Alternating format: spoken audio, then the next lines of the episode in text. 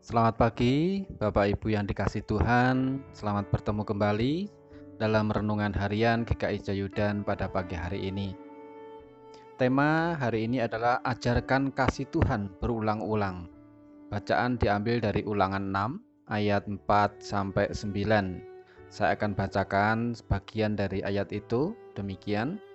Dengarkanlah hai orang Israel, Tuhan itu Allah kita, Tuhan itu Esa.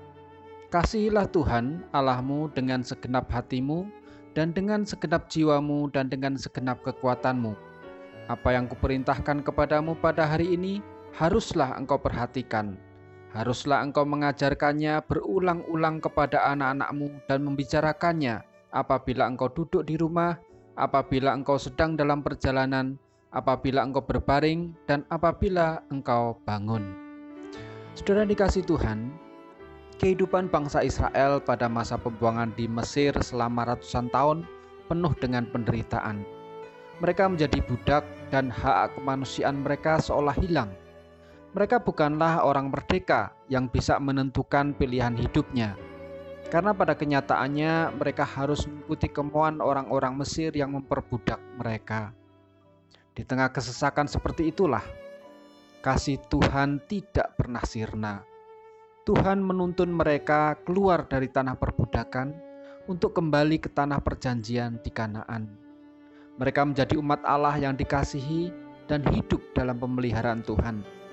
Allah juga yang mendidik mereka untuk berubah dari kehidupan yang bermental budak menjadi orang yang merdeka dan mandiri, dari bangsa yang tidak pandai berperang menjadi bangsa yang tangguh menghadapi segala musuh-musuhnya. Semuanya itu karena kasih dan pertolongan Allah. Saudara yang dikasih Tuhan, oleh karena itulah dalam ulangan 6 ini kita melihat bahwa bangsa Israel diingatkan oleh Musa agar mereka tidak melupakan Tuhan yang telah membawa mereka keluar dari tanah Mesir, tempat perbudakan. Salah satu caranya adalah mereka harus menceritakan terus-menerus tentang kasih Allah kepada generasi-generasi selanjutnya yang masih akan hidup lebih lama. Bukan hanya menceritakan sekilas, namun harus setiap saat, setiap waktu berulang-ulang. Baik saat, baik saat mereka duduk bersama, saat bepergian, saat hendak tidur maupun pada saat bangun. Bahkan mereka menempatkan perintah Tuhan itu pada setiap bagian rumah yang dapat dilihat dengan mudah. Dengan demikian mereka selalu diingatkan akan kasih Tuhan.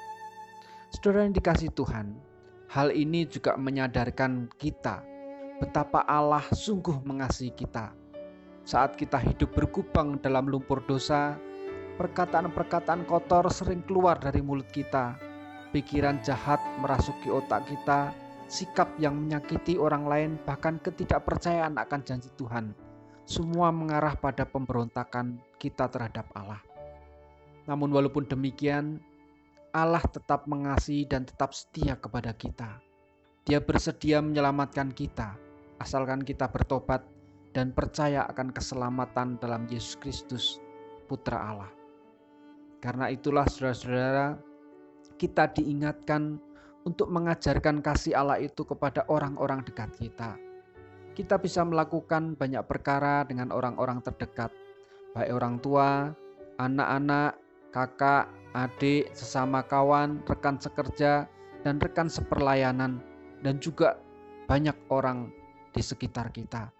Dengan menunjukkan kasih dalam hal saling membantu, mengingatkan akan pentingnya firman Tuhan, dan hidup yang seturut dengan perintah Tuhan pengajaran yang berulang-ulang akan kasih Tuhan kepada orang-orang dekat kita itu dengan membicarakannya setiap saat itu akan semakin menguatkan kita untuk menyadari bahwa kasih Allah itu luar biasa dalam kehidupan kita. Dengan begitu, kita akan menguatkan orang-orang di sekeliling kita bahwa ada Tuhan yang tetap setia kepada kita, bahwa ada Tuhan yang selalu menuntun hidup kita dengan menceritakan kasih Tuhan itu, maka kita akan semakin dikuatkan dan banyak orang akan datang kepada Tuhan. Di tengah kesesakan seperti pandemi corona pada saat ini, mereka juga diingatkan bahwa Tuhan selalu mengasihi. Sehingga pada saat kita keluar dari pandemi ini, mereka juga akan bercerita kepada anak cucu bahwa tahun 2020 mereka pengalah mengal, pernah mengalami pandemi corona yang begitu hebat. Dan semua karena kasih Tuhan, kita bisa mengikuti jalan Tuhan, tetap berserah kepada Tuhan, dan Tuhan berikan jalan keluar yang terbaik.